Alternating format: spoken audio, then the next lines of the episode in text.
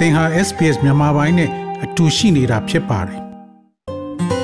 SBS မြန်မာပိုင်းကို အင်ကာနဲ့စနေနေ့ည10:00နာရီမှနားဆင်နိုင်တယ်လို့အွန်လိုင်းကနေလည်းအချိန်မီနားဆင်နိုင်ပါပြီ။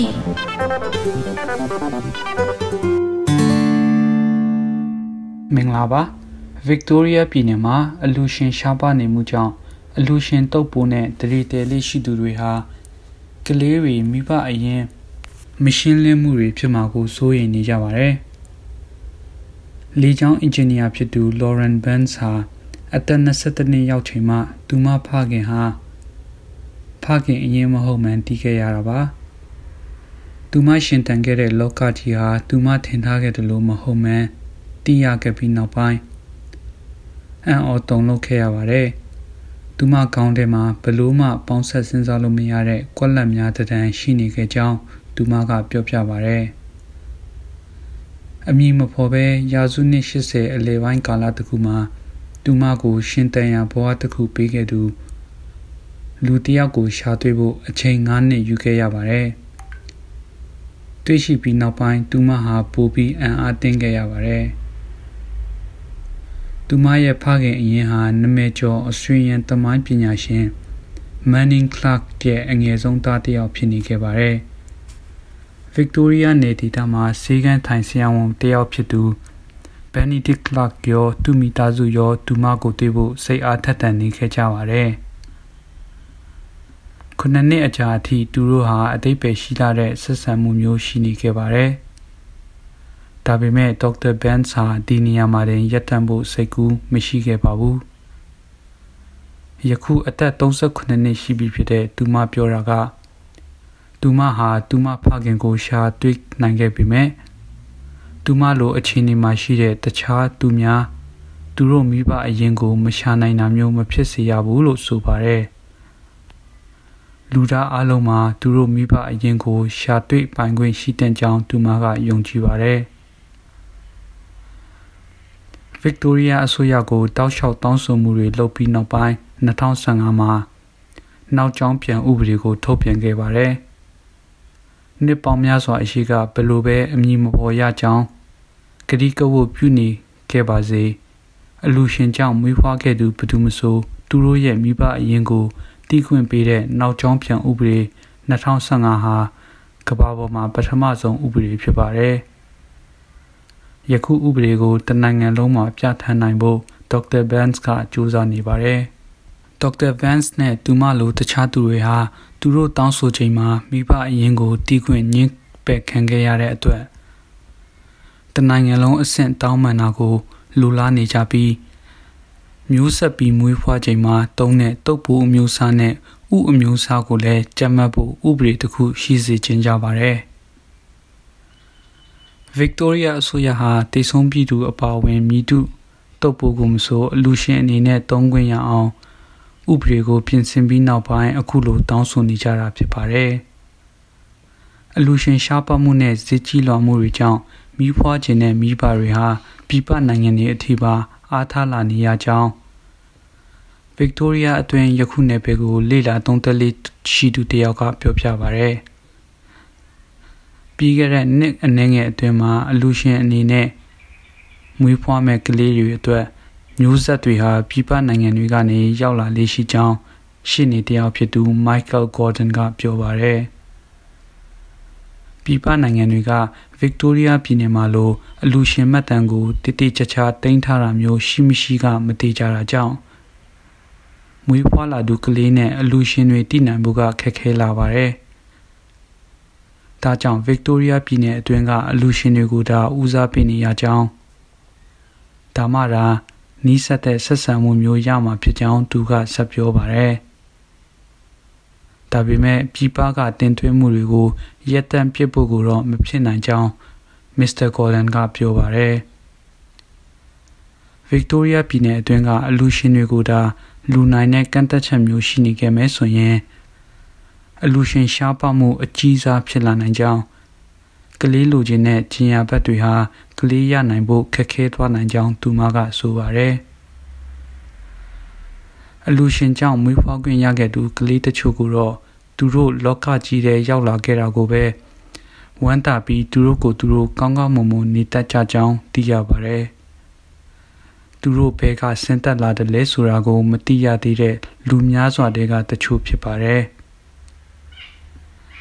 အသက်ရှင်နေရတာကိုပဲကျေးဇူးတင်လို့မရဘူးလားလို့ပြန်မေးလာတာတွေနဲ့မကြာခဏကြုံတွေ့ရကြောင်းအဲ့ဒီလိုဘဝနေထိုင်မှုဟာအတိတ်ပဲမရှိလာကြောင်းဒေါက်တာဘန်စ်ကပြောပါတယ်။တခြားဥပမာဖြစ်တဲ့မတရားပြုကျင့်ခံရမှုကနေမွေးဖွားလာသူတွေဟာသူတို့ကိုသူတို့ရှင်းတန်နေခွင့်ရခဲ့တဲ့အတွက်ကျေးဇူးတင်နေပါစေပုံဝန်းကျင်အတိုင်းဝိုင်းကအားပေးမှုအားပေးမှုမျိုးလုံးမှာမဟုတ်ကြောင်းသူမကနိုင်ရှင်းရှင်းပြခဲ့ပါတယ်။ ကလေးရဖို့ဟာလူအခွင့်အရေးတရမဟုတ်ဘူးလို့ဆိုပါတယ်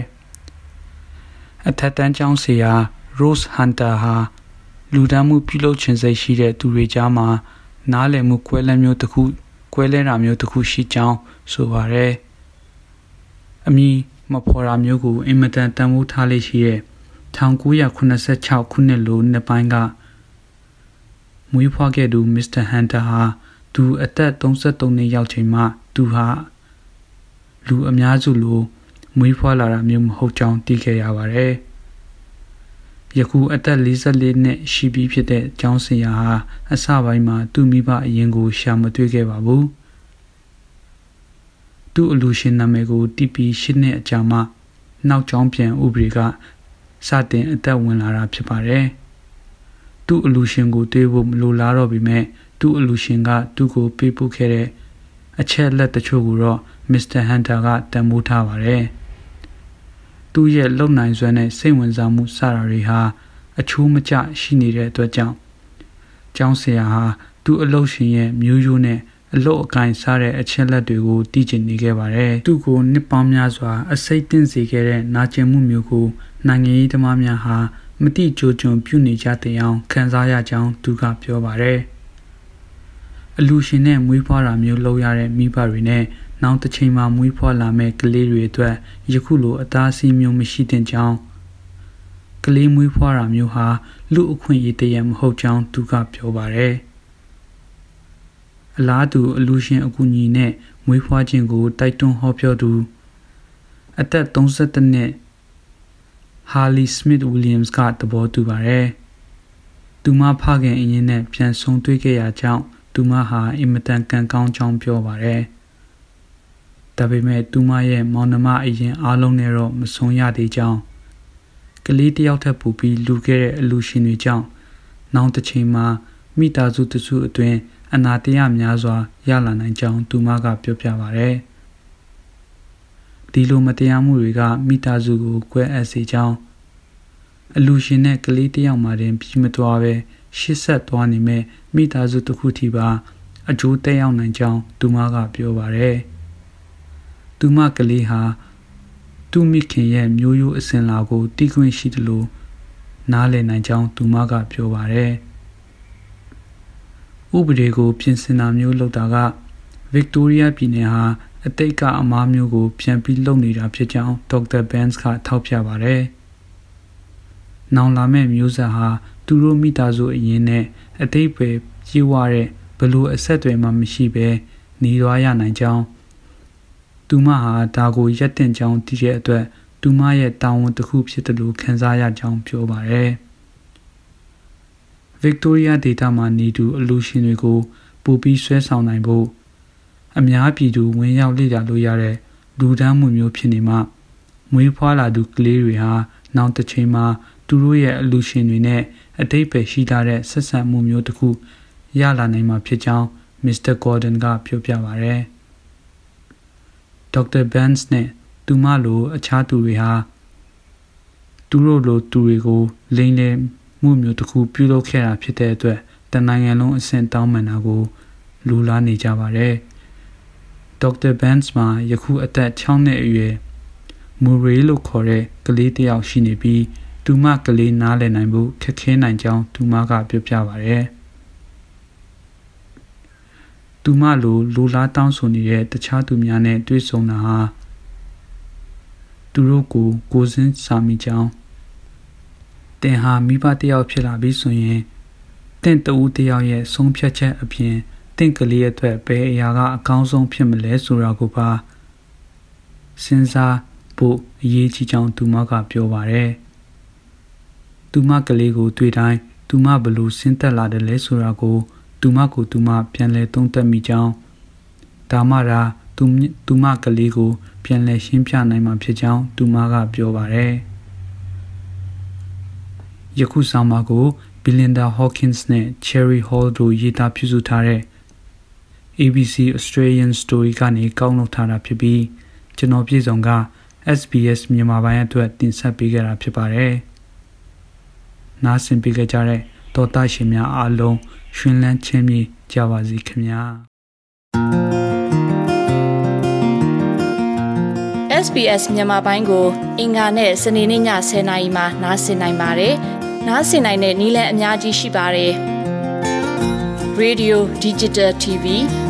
Online ဒါမှမဟုတ် SBS Radio App ကနေတဆင့်နားဆင်နိုင်ပါတယ်။ SBS မြန်မာပိုင်းအစီအစဉ်ဖြစ်ပါတယ်ရှင်။